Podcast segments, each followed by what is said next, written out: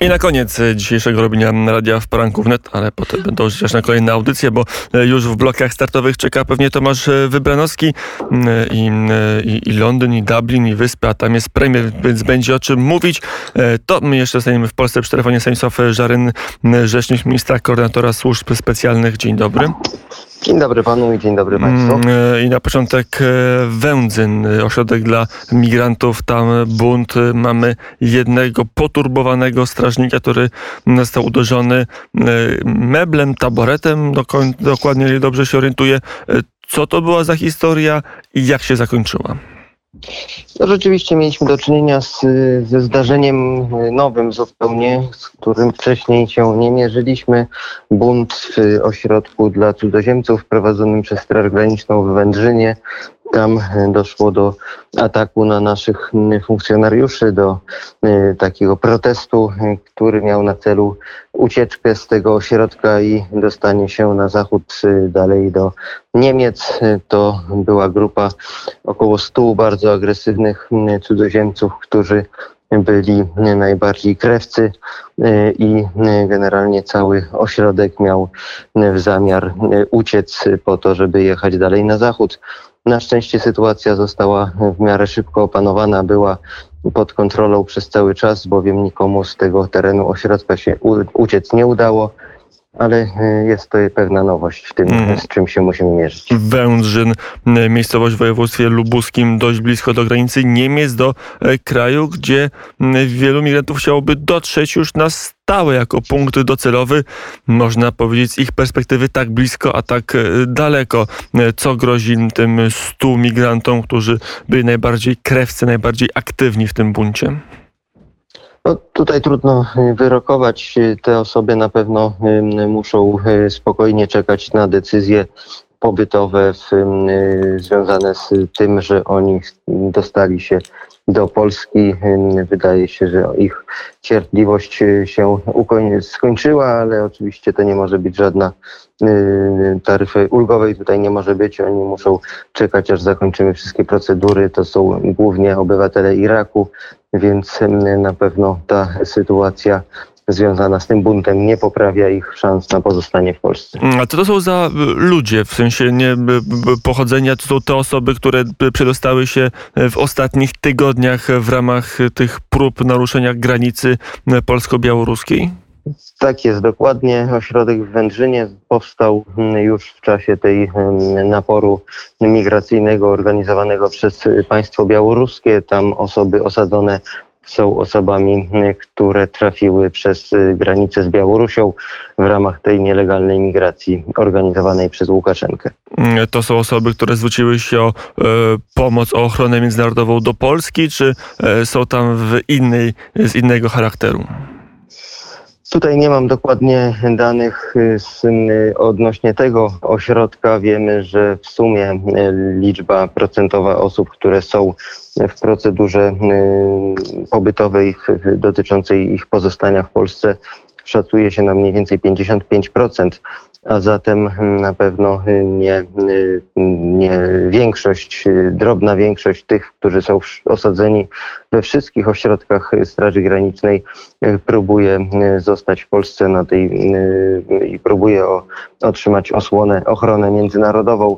A to w jakiej charakterze jest te pozostałe 40 parę, 45%? Oni po prostu przez, dostali się przez granicę, nie zostali cofnięci pushbackiem, ale też niczego od Polski nie chcą, poza tym, żeby dać im tranzyt do Niemiec? To jest ich status prawny?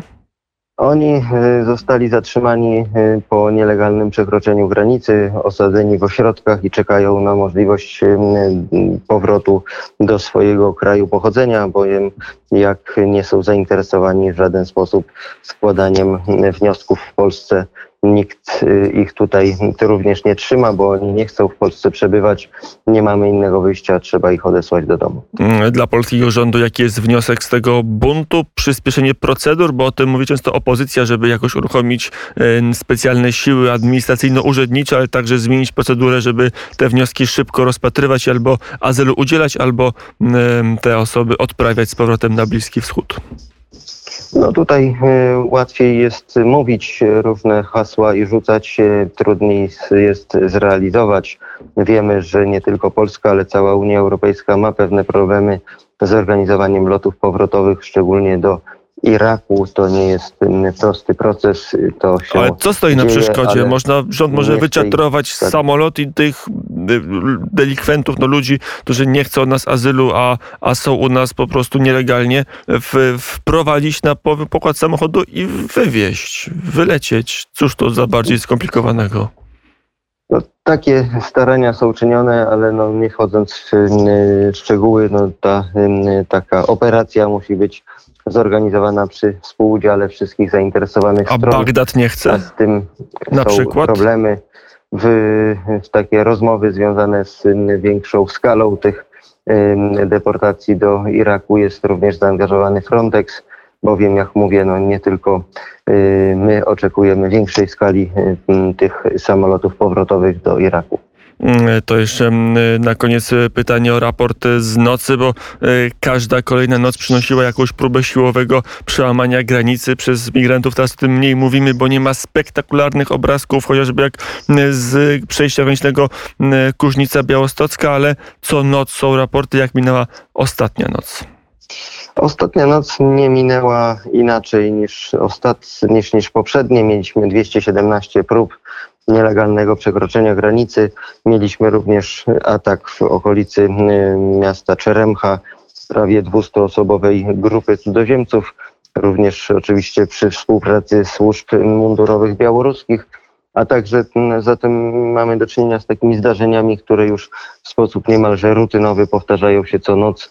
Spodziewamy się, że właśnie taka taktyka będzie dalej stosowana. Na wymęczenie polskich żołnierzy i funkcjonariuszy. Raczej na wymęczenie, raczej na organizowanie e, mniejszych grup, które będą e, atakowały w różnych miejscach po to, żeby właśnie zmęczyć, żeby uśpić naszą czujność, ale też szukać tych słabszych miejsc, które być może zdaniem białoruskich służb łatwiej jest zaatakować. Jesteśmy świadomi tej taktyki, widzimy na bieżąco, co się dzieje i na szczęście cała granica jest teraz dobrze monitorowana. Mm, Kiedy rozpocznie się budowa mm, bariery na granicy? No, czekamy na te pierwsze etapy wi- widoczne już w tym roku. Wiemy, że zgodnie z planem ta budowa powinna się zakończyć w pierwszej połowie czy w połowie roku przyszłego. Ale były informacje z rządu, że wystartuje w grudniu. Tak się stanie? Budowa, realna budowa, że będą ludzie, będą ustawiać te słupy stalowe, będzie, będzie się działo, będzie się budowało. Zgodnie z ostatnimi sygnałami, które do mnie docierały, tak jeszcze w grudniu ma ta budowa ruszyć. Taki był plan i on jest podtrzymywany. Mm, Ostatnie pytanie polityczne.